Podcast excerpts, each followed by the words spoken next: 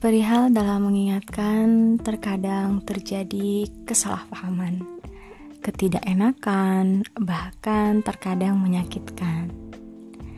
Tapi sungguh itu adalah lebih baik daripada kau dibiarkan berteman dengan bisikan-bisikan setan. Sungguh itu adalah lebih baik daripada kau dibiarkan melawan aturan Tuhan.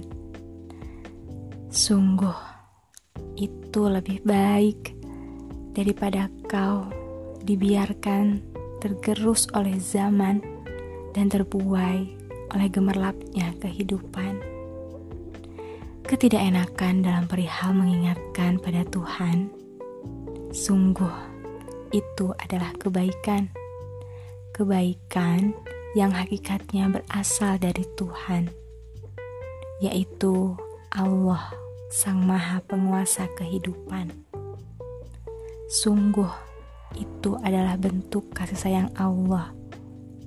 Allah ingin kamu menjadi pribadi yang tersadar akan aturan Tuhan dan teguh pendirian.